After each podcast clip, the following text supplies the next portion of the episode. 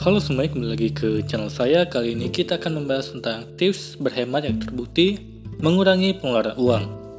Berbicara mengenai tips berhemat, sebenarnya ada beberapa hal yang perlu dipertanyakan pada diri kita, yaitu apakah kita mengedepankan gengsi ataukah tidak. Jika tidak mengedepankan gengsi, tanpa tips tertentu pun kita bisa hemat karena yang diperlukan hanyalah biaya untuk makan, minum, tempat tinggal, dan pakaian. Orang yang tidak mengedepankan gengsi pasti bisa memenuhi kebutuhan dasar tersebut. Bedanya dengan orang yang mengedepankan gengsi adalah apa yang dimakan, diminum, dikenakan, dan ditinggali. Orang biasa pasti bisa makan nasi, sayur, lauk sederhana, tapi mereka yang inginnya hidup mewah pasti perlu lauk yang mahal. Hal ini sebenarnya yang menjadi masalah utama terjadinya pemborosan pengeluaran. Kita boleh saja makan enak sekali dengan tujuan untuk merasakan makanan tersebut atau membuat keluarga bahagia. Tapi jika tujuannya hanya untuk pamer, katakan selamat tinggal dengan kata hemat. Dari pembahasan tadi, Anda mungkin bisa paham jika ingin berhemat, maka harus hidup lebih sederhana dari sebelumnya. Namun bagi yang ingin berhemat tetapi tetap terlihat bergaya, tidak terlihat kekurangan, tips dan trik berikut ini mungkin bisa kita coba.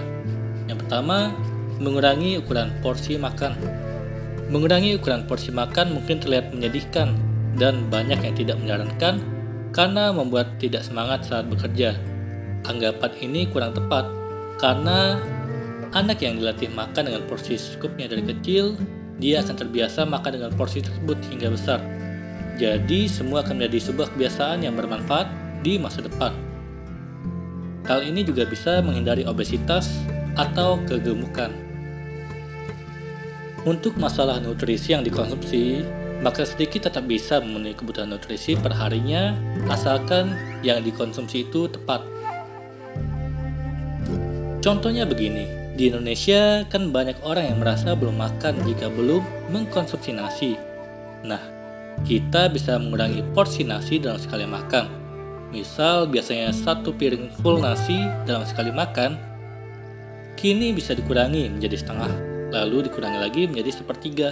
Mungkin sepertiga piring nasi terasa kurang, tapi perlu kamu tahu bahwa sepen nasi 150 gram itu sudah mencukupi kebutuhan sekali makan.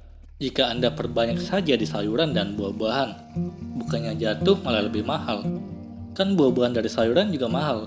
Mungkin itu pertanyaan Anda. Jawabannya, tergolong sayur dan buah yang kita pilih. Jika terlalu mewah, ya pasti mahal. Jadi belilah buah yang murah, tapi bisa memenuhi asupan nutrisi tubuh kita. Mengurangi ukuran porsi makan untuk anak kecil mungkin sangat mudah karena mereka memang belum terbiasa dengan porsi makan mereka. Namun orang dewasa yang terbiasa makan dalam porsi besar pasti akan merasa kesulitan dan merasa mudah lapar. Kesulitan ini bisa kita atasi dengan melakukan kebiasaan mindful eating. Saat ini, banyak orang yang sedang diet menerapkan praktik mindfulness dan hasilnya memang bagus. Kita bisa membedakan mana lapar fisik dan mana lapar nafsu, sehingga makan dalam porsi yang cukup tidak akan membuat kita kelaparan. Asupan nutrisi kita pun tetap terpenuhi. Kedua, memasak secukupnya, tidak membuang sisa makanan. Tips selanjutnya masih berhubungan dengan makan karena makan memang menjadi salah satu hal yang membuat pengeluaran membengkak. Saat memasak, pastikan memasak secukupnya agar tidak ada makanan sisa yang dibuang. Namun jika kamu termasuk orang yang masih menghargai makanan sisa, maka boleh saja masak berlebih untuk dua kali makan, misal untuk sarapan dan untuk makan siang. Memasak secukupnya tentu membuat kita lebih berhemat. Anda juga jangan sembarangan membuang bahan makanan yang ada di kulkas. Semisal di kulkas ada sedikit bahan-bahan yang tidak mungkin dimasak untuk satu porsi.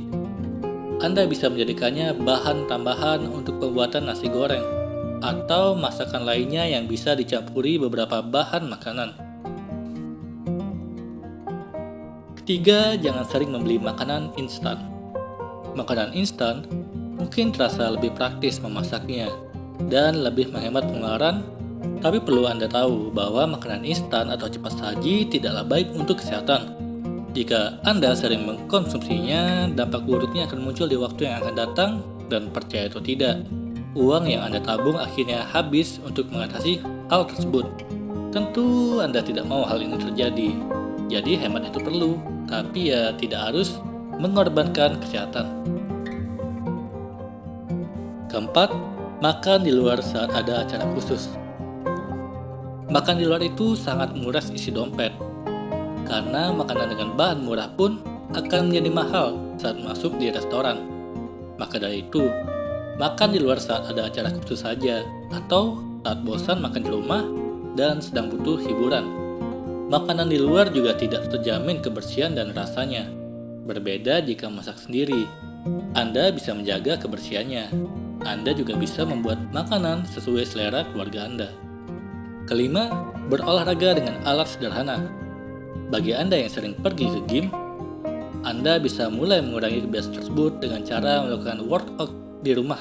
Ke gym itu pasti mengeluarkan uang dan butuh waktu khusus, jadi kalau bisa dihindari, manfaatkan saja waktu berangkat kerja untuk berolahraga dengan jalan kaki sambil peregangan misalnya.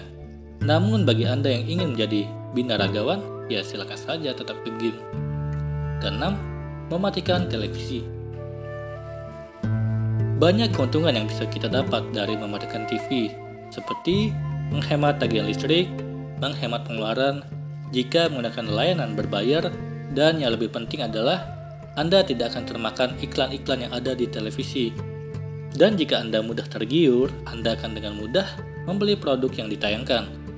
Upaya menghemat pun menjadi gagal jika tidak ingin ketinggalan berita terbaru anda bisa menonton TV di waktu program berita tayang. Sekarang juga zamannya internet, jadi apa pun yang kita butuhkan bisa dicari di internet. Namun ingat, carilah hal yang memang Anda perlukan. Jangan terlalu asik, hingga akhirnya membuat hal-hal yang tidak perlu dan tergoda untuk membeli produk yang diiklankan di internet. Setuju? Menjual barang-barang yang tidak berguna daripada membuangnya Barang-barang yang tidak berguna akan bisa menghasilkan uang jika kita jual. Harga jualnya pun mungkin tidak seberapa, tapi daripada dibuang, bukankah lebih baik dijadikan uang? Uangnya pun paling tidak bisa digunakan untuk memenuhi biaya kebutuhan tertentu. Itulah 7 tips berhemat yang terbukti mengurangi pengeluaran uang. Semoga ini bisa bermanfaat. Sekian dan terima kasih.